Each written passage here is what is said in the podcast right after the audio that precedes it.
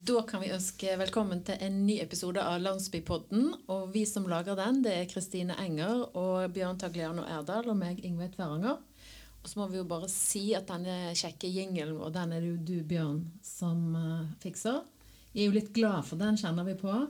Og så er jo du litt sånn Latin-America, sant? Stemmer det. Jeg, eh, når du sier at jeg fiksa den, så er det ikke jeg som har skrevet den. altså. Nei, men du liksom valgt den og tatt Ja. den inn. Har rett og slett lasta den ned fra internett, og det krever sin mann. Ja, og så er du litt sånn argentinsk Halvparten. 50% Yes. ja. Så det måtte bli litt Det måtte jo bli. Det er en lovlig nedlastning, da. Ja, er det det? Ja, det går jeg ut fra. Ja, her Ja, kan det. Kjøpt og betalt. Ja, det er godt. Ja. Eh, Du kan si sånn at Hvis det ikke hadde vært det, så hadde vi hatt en spennende framtid foran oss. For vi liker jo ikke sånne ting. Så måtte vi ha svart for det. Ikke sant? Det hadde kanskje vært Ja. Kanskje vi skulle gjort det ulovlig? Så hadde det Nei takk. Nei, ok. Eh, I dag har vi jo invitert en gjest som vi på en måte, Bjørn, indirekte føler er litt sånn til ære for Kristine. Skal vi si det sånn? Ja, det må vi jo absolutt eh, kunne si. Ja. Ja. For eh, de som har fulgt med oss, vet at Kristine elsker det grønne. Ja, det er rett. Og så er du jo ganske aktiv i sosiale medier. Mhm. Og nå har vi en fantastisk gjest som vi kombinerer disse to tingene inn i. I tillegg så er hun òg en podkaster sånn som oss. Så her tror vi at det kan bli en veldig lykkelig halvtime. Og da må vi si hjertelig velkommen Susanne Berger Todnem til Landsbypodden. Tusen takk. Og din podkast den heter Avdelingsmøte. Eh, Du har han sammen med en som heter Maiken Økland. Og dere snakker om sosiale medier. Det gjør vi. Ja, og så tenker jeg sånn eh, Du som på en måte har fingeren på pulsen veldig på sosiale medier. Hva vei går vi, tenker du, når det gjelder det? Har du noen sånne tanker rundt? Ja, eh, Det er jo litt vanskelig å si, for hver gang vi tror vi vet hva som skjer, så endrer jo et, en av disse plattformene helt uh, utseende, eller uh, de legger til nye funksjonaliteter. Men uh, vi håper jo, iallfall meg og Maiken, tror jeg, at det går mot mer si at, at både folk og merkevarer tør å være litt mer ekte i sosiale medier. At det du ser, er det du får. Og jeg har jo òg i det siste blitt fan av eh, altså show, don't tell. Ikke bare, jeg så nettopp en merkevare som la ut en status helt uten bilde, men bare liksom tekst. Eh, Våre verdier er ærlighet, eh, hjelpsomhet og det var en tredje ting òg. Så jeg kan ikke heller bare vise det med å legge ut fem gode tips om et eller annet. Da viser jo du at du er hjelpsom og hyggelig.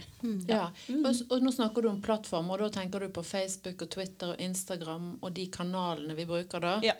Eller apper som vi har på telefonen. Eh, nå er det jo mange som diskuterer denne her TikTok. Mm. Hva tenker du om den, som er en sånn filmgreie som ungdommen holder på med? Ja, eh, jeg har jo Jeg er så heldig at jeg kan på en måte lage meg profil på alle disse her, og, og bare alltid skylde på at å, det er pga. jobb, liksom. Jeg må være der, jeg må teste det ut. og det, det er litt herlig, for ellers hadde jeg gjerne følt meg litt gammel på TikTok. Selv om jeg bare er 33, så, så er det liksom Jeg føler hoved eh, eh, Brukergruppa der er mye, mye yngre enn meg. Men eh, jeg, eh, jeg skal ikke lyve. Jeg syns jo egentlig at det er litt festlig.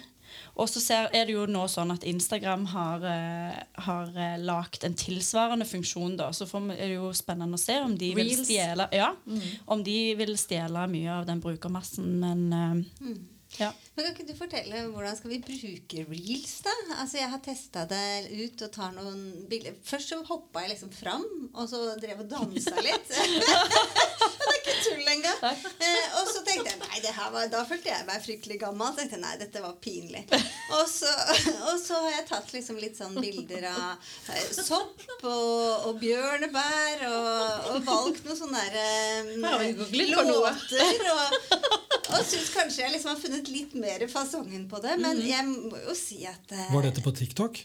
Nei, dette var reels. Altså ikke ikke TikTok. Instagram har introdusert en konkurrent TikTok TikTok som heter Reels. Skjønner. Ja. Som er sånn bærplukking og dans. Nei, altså, det er jo det som jeg har lyst til å spørre Susanne om. Hva i all verden skal vi egentlig bruke den funksjonaliteten til? jeg, altså, jeg er litt fan av å bare teste. Så jeg vil jo si at det er jo helt merkelig om f.eks. jeg som legger mest ut eh, planter, hage, markedsføring, plutselig skulle liksom hatt en dansekonto. Eller sånn at jeg plutselig Alle reels jeg la ut, var dansing. Har, ja. Så jeg har jo personlig da i alle fall lagd et par reels som den, Dette jo, høres jo helt eh, rart ut, men den første viste jeg fram potteplantene mine. på en sånn liten, bare for å liksom teste. Og så ble jeg litt modigere. Da gikk jeg ut i hagen og lagde sånne korte filmsnutter av eh, sånn to sekunder per plante. Og la på litt eh, kul musikk som er in akkurat nå. Men jeg tror at man lykkes best med reels hvis, man, hvis det gjenspeiler det som profilen egentlig handler om. Ehm, at det ikke blir, Man trenger ikke være så utrolig tullete. Det trenger ikke være sånn flåsete. Jeg òg følte her må jeg være litt løyen, og her må jeg gjerne bjude ekstra på. Men jeg, jeg, jeg tør ikke det. Altså. Så. Du trenger ikke danse, Nei, vet Kristine. du hva, det, det skjønte jeg egentlig. Prøvd meg. Det, det, jeg kan holde meg til å vise liksom, planter, jeg òg. Det, det, Ja.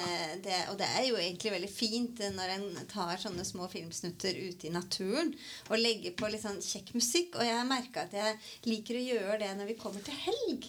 For hvis jeg kan lage en sånn reels da liksom på fredagen, og, så, og noen ganger så legger jeg den som reels, andre ganger så har jeg det i stories. Så kjenner jeg liksom at jeg, jeg liksom vil gi folk en liksom god start på helgen. Da. Det er min måte å gjøre det på. Så, så jeg tror jeg kommer til å bruke det mer. Altså. Mm. Kan jeg- bare spørre, eh, den dans... så er- Ligger den ute fortsatt? Nei, det er, jeg vet ikke om det blir tatt vare på. Den, den la jeg på stories. Ja, den er- ligger den i arkivet ditt. Den ligger den i arkivet mitt. Ja, den, den, vil vi, den vil vi se. Men det som jeg føler blir oppsummert her, da, det er at Sankeliv det er jo din konto på Instagram. Så på fredager, folkens, følg med på Sankeliv. Danseliv.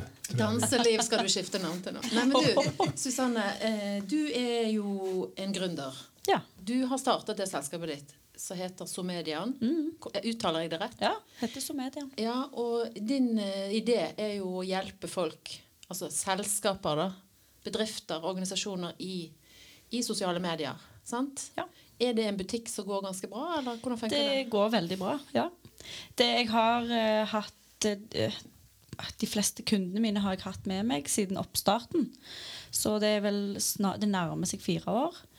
Eh, Jeg har jo bl.a. jobba for Landsbyforeningen her i Randaberg. Det var jo utrolig kjekt, fordi da fikk jeg jo et innblikk i mange i Randaberg som drev eh, næringen. Det slo meg jo da at selv om det ikke er den største kommunen, så er det vel et stort mangfold i hva folk driver med her. Så det var veldig kjekt.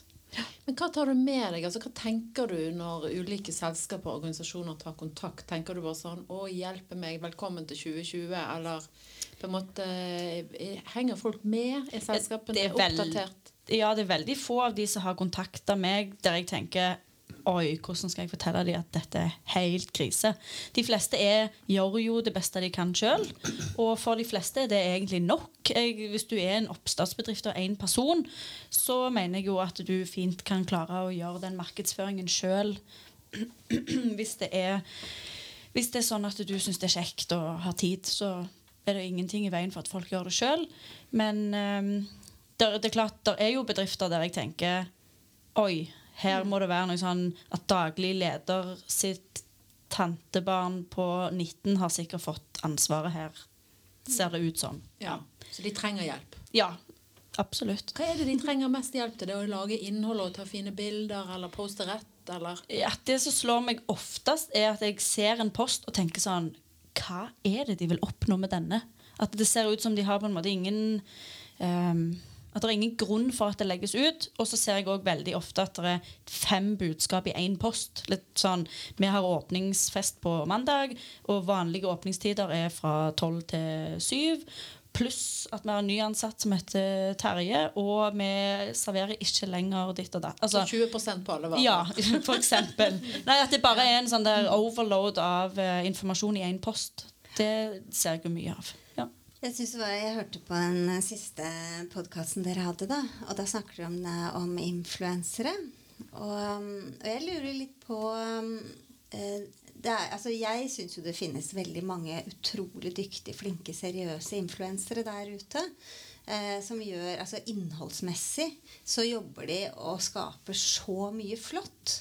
Eh, og så er det ganske mange bedrifter som egentlig ikke verdsetter og forstår eh, hvilken jobb eh, de gjør, og hvor viktig de er. Altså, selv, tenk sjøl, da. Jeg følger jo flere influensere på temaer som jeg er opptatt av.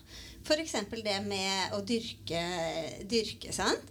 Eh, vi har jo Sara Bekmo i Sverige, som jeg regner med helt sikkert at Ja. du følger. Um, og vi kan nevne flere også, men også på andre ting. På dette med sosiale medier, eller på, på hva det nå måtte være som vi er interessert i. Så kan vi klare å finne skikkelig gode influensere. Eh, og så er bedriftene der ute, og så skal de liksom sende noe noe eh, varer som, som disse influenserne faktisk reali altså Hvis de skal være lovlige, skal skatte av. Og så forventer de at uh, disse influenserne, som er så dyktige skapere, skal liksom ta imot dette og, og, og poste reklame. Altså, hvordan, hvordan får du liksom Altså, klarer du å være med å skape dette eh, til noe som blir bra. For jeg, det har potensial, men per i dag så er vi kommet så utrolig kort. Ja. Jeg, merker jo, jeg snakker jo både med bedrifter som bruker influensere, og influensere som tar på seg oppdrag. Og der syns jeg det er skremmende å høre eh, Folk jeg ser har hatt mange oppdrag, så spør de meg plutselig hva tror du jeg må skatte for denne tingen. Jeg bare sånn, eh, Ja, det må du. Og da tenker jeg ja, så det du har holdt på med de siste to åra, har du da ikke skatt altså, eh, Det er sjokkerende hvor lite bransjen sjøl eh, kan om det. Men når det er sagt, så er det jo eh, utrolig, som du sier, da, utrolig mange flinke og seriøse som liksom, yrket influenser har fått et ufortjent eh, dårlig rykte, syns jeg. For eksempel så kjenner jeg godt eh, Ingrid Bergtun, som har en sykonto, og Mari Hult, som har vegetarbloggen. Og begge de to vet jeg jo sier nei til sikkert 90% av alle forespørsler de får. Trines de- matblogg gjør jo det samme. å ja, ja. Ja, ja. Og, og, og er veldig kresen på hvem de samarbeider med. Og, og da tenker jeg, Med en gang jeg ser f.eks. Mari legge ut noe som er et samarbeid, eller en annonse, så tar jeg det for god fisk. Altså, jeg, jeg tror på hun, for hun er troverdig. Eh, både fordi hun har ikke all slags rare samarbeid.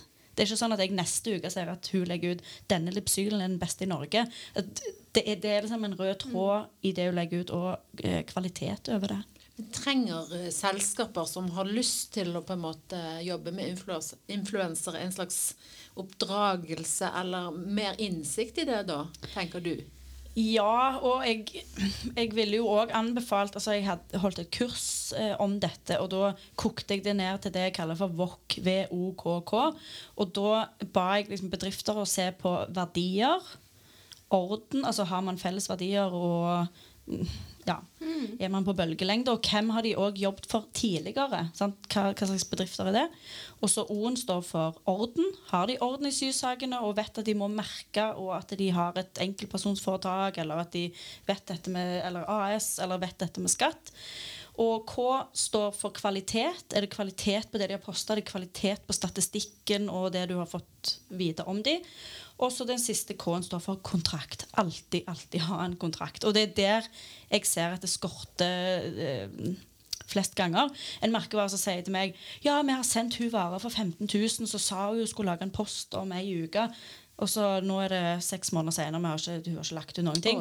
Jo, så sier jeg Ja. men hvis dere ikke har en kontrakt, så har dere egentlig bare gitt hun det i gave, og kan, må bare la det Ja, Så det er en slags sånn forventningsavklaring som må skapes mellom partene? Ja. ja. En kontrakt trenger jo ikke være så mye mer avansert enn et ark der det står du skal gjøre dette for oss, og vi skal gi deg dette, og det skal skje innen utgangen av 2020. Ja, du Altså, får disse hudkremene eller dette strikkegarnet, Ja. og da må du poste fem ganger på Instagram. ja. Ja. Og du skal merke det som reklame, og ehm, det må merkes som reklame, og du eh, er nødt til å poste det i altså, Og bare skriv hva kanaler det gjelder. Ja, altså Den kontoen i- der på Instagram innen da og da. Og må du- og så må du oppgi det til ligningsvesenet. Ja. Mm. Men du, eh, eh, dette er jo kjempespennende. Og hører du er jo sykt flink, så Somedian, det er de du tar kontakt med. Men du, det er ikke bare derfor vi har deg her. For du eh, driver jo sjøl og poster noe voldsomt hagegreier. Ja. Ikke- ja, Det er litt så stygt å si greier, da, for det er jo knallfine bilder. Ja. Jo, takk. Du driver jo noen hagegreier. Hage. ja, men altså Susanne Todnem eh, på Instagram deler jo de mest fantastiske hagebildene. Altså, Hvordan havnet du på det kjøret der? Åh, jeg er glad du kaller det for et kjør, for det, det føles veldig ofte som det. Nei, men du, du driver jo og skaper næring der òg, sant? Altså, du Ja, jeg har iallfall kurs.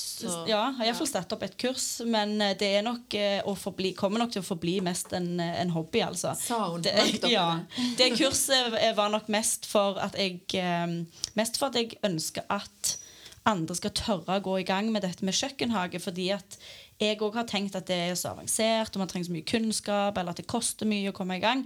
Så det kurset var satt opp mest for eh, og vise at det kan være eh, billig å komme i gang, og at man kan bruke ting om igjen, og Så du har at alle noe, kan få det til. Du har nå laget din egen kjøkkenhage. Ja. Du måtte rett og slett kjøpe et nytt hus. Jeg, må, jeg måtte rett og slett Bytte bolig. bolig, bytte bolig for, å, for å ha plass til plantene og kunne Ja. Og der jeg bodde før, hadde jeg eh, sykelig mange potteplanter. Det var jo der det begynte. Og så eh, fikk jeg et angrep av trips, noen sånne små udyr, på de plantene. Så ble jeg litt sånn like holden. Jeg bare kasta ut. Jeg, har litt sånn, jeg takler ikke ting som kryper. og Sånn, så da kasta jeg de ut, og så ble det litt sånn at jeg skjønte de plantene som jeg bare satt ut forbi, de ble jo friske igjen, for det kom der edderkopper som spiser Så ble det vel til at jeg bare planta mer ute og, og skjønte at det, nei, jeg er nødt til å få meg terrasse og plen og plass til å Ja. Men du sier at du holder kurs nå. Eh, nå er vel sesongen på hell. Altså, hva, hvordan legger du opp et, et kurs nå når vi går eh, inn i september eh, om kjøkkenhage? Det var litt interessant. Mm. Det er fordi at jeg har blitt godt kjent med Margunn Ueland fra Margunns kjøkkenhage. Og hun har jo lært meg jeg tror jeg skal påstå 90% av alt jeg kan om hage. Og de siste 10 er rett og slett prøving og feiling. Og altså, jeg kom jo i gang med hagen min i ja, mars i år. Jeg ser jo at jeg burde ha begynt mye før, og jeg må, var jo nødt til å kjøpe et uh, tilhengerlass med jord og på en måte begynne helt fra eh, Kjøpe pallekarmer, fylle opp og, og samle inn det jeg kunne av liksom, løv og kvister og sånt. Men optimalt sett så kan man jo begynne på høsten og bare samle løv i båssekker og og på en måte forberede seg og begynne på den prosessen hvis du vil lage din egen jord. Da blir det jo, ja, grunnarbeid, rett og slett. Og det blir mye billigere da hvis du kan lage din egen kompost og bruke den. Og, og du kan jo bruke denne tiden her på å planlegge hva frø vil jeg kjøpe, gjøre litt research. Um, du kan jo òg begynne å rydde til i hagen og liksom gjøre deg kjent med eh, Det er jo mange som kanskje ikke vet hva ligger mot sør i hagen min, og hvor er det mest sol. At du kan bruke tid på å finne ut de tinga der. Men hvor mye Hvor stor plass må man ha for at en kan liksom kalle det en kjøkkenhage? Da? Det blir litt ut av det. Ja, jeg mener jo at eh, hvis du bor midt i en storby, så kan du kalle det det hvis du har en eh, litt eh, god eh, vinduskarm og en liten balkong. Altså du kan plante veldig mye i krukker og eh, Hva heter disse her blå, vanlige blomsterkasser. Kan jo ha masse salat tett i tett. Ja, Så det er liksom ikke mange kvadratmeter? Nei, virkelig ikke. Men nå har jo du litt mer plass. Nå har jeg veldig mye plass. Ja, hvor stor plass har du nå? Eh, det er Ja. Jeg, jeg, det er såpass at jeg etter jeg kjøpte én pallekarm, så skjønte jeg idet jeg holdt på å liksom plante ned igjen, at jeg må ha to. Og nå har jeg fem-seks og et minidrivhus og, jeg, Og og en del eh, bed. Ja. Så det, det, det, det som er farlig med det, er at det, du, det går an å bli hekta. Og dette er også gjerne første sommeren hele livet mitt at jeg ikke har vært på hytta. Fordi jeg er litt sånn Å, det skjer så mye i hagen, jeg vil ikke gå glipp av det. Og så er jeg jo òg redd for å reise vekk, og så blir det megatørke. Og, ja. Så jeg har holdt meg eh, mye hjemme, dessverre. Men du, Hva føler du eh, som da en eh, nybegynner som på en måte har fått det skikkelig til? Hva har du lykkes best med? Oi. eh, Det tror jeg må være urter. De er jo veldig takknemlige. Og Men det har du jo i blodet. ja, jeg føler jo det, da. Med, en, med en onkel som driver i store, stor skala Ja. her i Randaberg. Ja. Jeg inviterte jo eh, onkelen min fra Todnem og hjem til meg på Eiganes. Og bare for å vise fram, liksom, se hva jeg har fått til her. Og han dyrker jo poteter, urter og salat sjøl. Så jeg tror, ut ifra ansiktsuttrykket hans, så tror jeg han skjønte fort at jeg kom ikke til å bli en konkurrent. Eh, og han kjefta veldig på meg, for at han sa du, disse urtene de er veldig flotte, men du har gjort på en måte den vanligste nybegynnerfeilen, og det er å bare la de vokse og sitte og se på at Se nå er oreganoen min så store. Han bare Du må klippe Ta denne busken her og klipp ned hele halvparten på den ene sida. det smerter jo. Ja, det er jo helt forferdelig. Og da tenker jeg sånn, Nå ser han jo helt klovn ut, den planten her. Men da skjønte jeg jo det at urter er jo Du skal jo egentlig bare bruke og bruke og klippe. Og eh, nå har jeg kjøpt meg sånn dehydrator, så nå holder jeg på å tørke på pizzakrydder og blande mine Wow. egne Ja, det har jo tatt litt av. Så gøy. Og alt dette deler du jo med oss sant? På, på dine sosiale mediekanaler. Så der følger vi jo med. Ja, så kjekt. Ja. Men det med kurs, og du var inne på Margunn Ueland, som er jo en veldig kjent eh, hageentusiast og dyrker i Stavanger-området. Men du holder jo kurs i smoothie bowl, har du begynt med. Ja. Hva er det? Eh, Det er egentlig et resultat av at jeg eh, har i mange år vært veldig glad i å lage smoothies, og det gikk over til eh, å ha de i skåler. Og så har jeg liksom til slutt blitt eh, eller satt de sammen på en måte som gjør at, kan, at det ikke bare er noe du drikker litt på sida av middagen, men at det er liksom en istedenfor en salat til lunsj. Eh, så jeg er veldig glad Så jeg er både glad i å dyrke og spise grønnsaker. Ja. Ja. Og veldig opptatt av at folk, bør, folk flest bør få i seg mer grønt. Så jeg eh, er ikke fremmed for å kaste en kvast med blomkål eller brokkoli oppi smoothien eller squash, liksom bare for å få i meg litt mer fiber og vitaminer. Og, ja. Men kan- jeg eh, benytte anledningen? Ja, kjør på. Ja. Fordi eh, du snakka i, i stad om at man allerede nå da, kan begynne å planlegge sånn, neste år hva man lager sin egen jord, og hva slags frø man skal kjøpe inn. og jeg er på en måte litt i andre enden av skalaen. og Jeg står på, på verandaen min sånn i slutten av mai, og så tenker jeg fader, jeg skulle ha dyrka et eller annet. Ja. Eh, og så sier jeg hva har vi av frøposer? Jo, det skal plantes inne i februar. eh, Og det, Ja. så jeg finner liksom ingen Men nå, for jeg lurer på det samme hvert eneste år, hva, hva, hvilke muligheter har jeg da? For jeg kommer helt sikkert til å stå sånn neste mai også. April. Nå har du våkna litt, da. Eh, Et tips da er jo å dra til f.eks. Selevåg. De har jo at du kan dra der i mai-juni og kjøpe en plante med agurk eller tomat eller um, aubergine, så jeg nettopp at de hadde der. Så Et du kan, gartneri, rett og slett. ja, så du kan kjøpe Kjøpe ferdigplanta ting? Ja. Ja, ok. Og så hvis du da bare er litt snill med dem når du kommer hjem, gir dem større potter, litt næring, nok vann, og, så, så, så kan du jo få en fin avling da. Og så er det enkelte ting som du kan så i juni og juli og utover høsten òg. da, da vil jeg jo anbefalt Hvis du googler så-kalender, så vil du få opp uh, hva du kan Hvis du f.eks. nå i september uh, har lyst, veldig lyst til å så et eller annet, så er jeg sikker på at det finnes uh, enkelte ting man kan så året rundt. Her, her ser jeg at du kan kose deg med gutta boys, dine tre aktive Ja, gutter. visst. jo, men jeg tenker kanskje de syns at å plante frø eh, antageligvis er mer gøy å gå og vente og sjekke potta hver dag og se om det Da er det så kalenderen for deg. Ja, og, og du kan jo allerede bare gå og kjøpe en pose med vintersalat. Det, det er nemlig en salat som klarer både frost og snø. Og som spirer godt nå. Men, det- men det tar litt tid før han spirer. Altså. Så du må si til de gutta at det, det kan gå to uker før de ser at det begynner å spire. To uker, det er to år i små gutter. ja, vet. Og, og seint på sommeren kan man òg Jeg tror spinat eh, kan klare seg. Altså, man tenker på å klare seg, klare seg over vinteren, eller? Er det det vi? Nei, da mener jeg å så nå og så spise litt av den mot uh, høst. Ja. Ja, ok. Mm. Og eh, nå har jeg jo i hagen både svartkål og grønnkål. De, de blir nesten bare bedre når de har stått i full snø. De, så um, og så har jeg eh, gresskar som eh, vokser hver, altså, hver dag jeg går ut i hagen, så har det gresskaret vokst. Det blir spennende å se om vi får til flere enn ett. Det blir, hallo, det blir skikkelig halloween Ja. Men du Susanne, vi var innom det at du har en podkast. Ja. Den heter Avdelingsmøte. Og eh, før vi liksom er ferdig med vår podkast, så må vi jo snakke om at du er en slags konkurrent til oss. Ja. på en eller annen måte. Eh, vi konkurrerer om folks tid. Men hva tenker du om den podkasten? Hva vil dere med det? Så dere snakker om sosiale medier og medier generelt. Mm. Meg og Maiken satte oss eller bare ned og bestemte oss for at det er ikke interessant hva vi holder på med på fritida, eller hva vi har gjort tidligere på dagen. Eller, så vi ville ha en podkast som handla om kommunikasjon og markedsføring, fordi det var det vi anså oss som best på. Og vi ville bare gå rett på sak og ha episoder som var stappfulle av tips og råd og helt konkrete eksempler. Eh, sånn at folk kunne på en måte gå fra det eh, avdelingsmøte med tenke sånn åh, nå har jeg noe jeg kan ta tak i her. Og avdelingsmøtenavnet kom jo egentlig av at vi begge to jobber alene, og at liksom, tanken er at vi samles eh, for å ha et avdelingsmøte. da. Hva har responsen vært på den podkasten?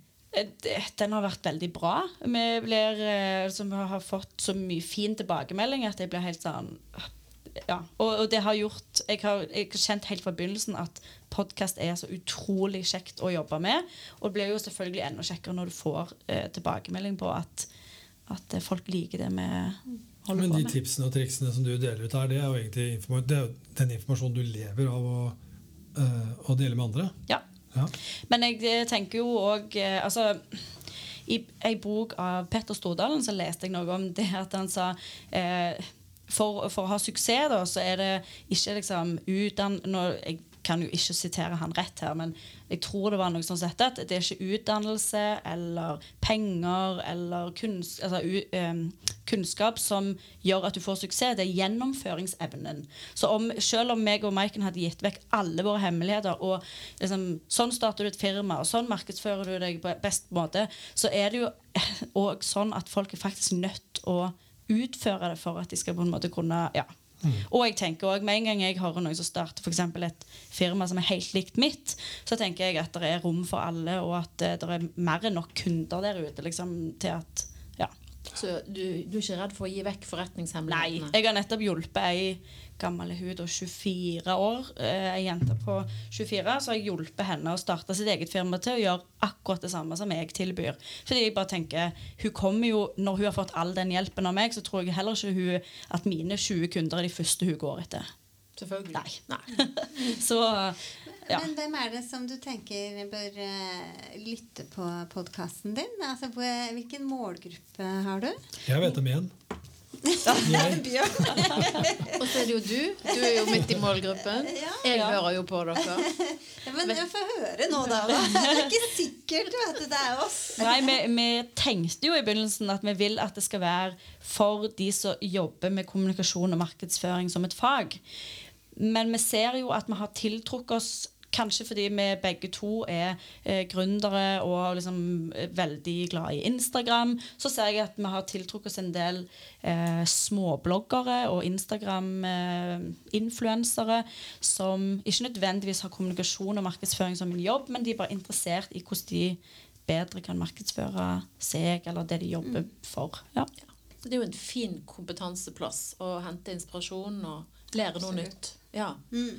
Men Susanne eh, Bjerga Todnem, da må vi runde av med deg, selv om vi kunne snakket veldig lenge her. Tusen takk for at du kom. Jo, takk for invitasjonen. Og vi gleder oss til å følge deg videre på de plattformene der du er.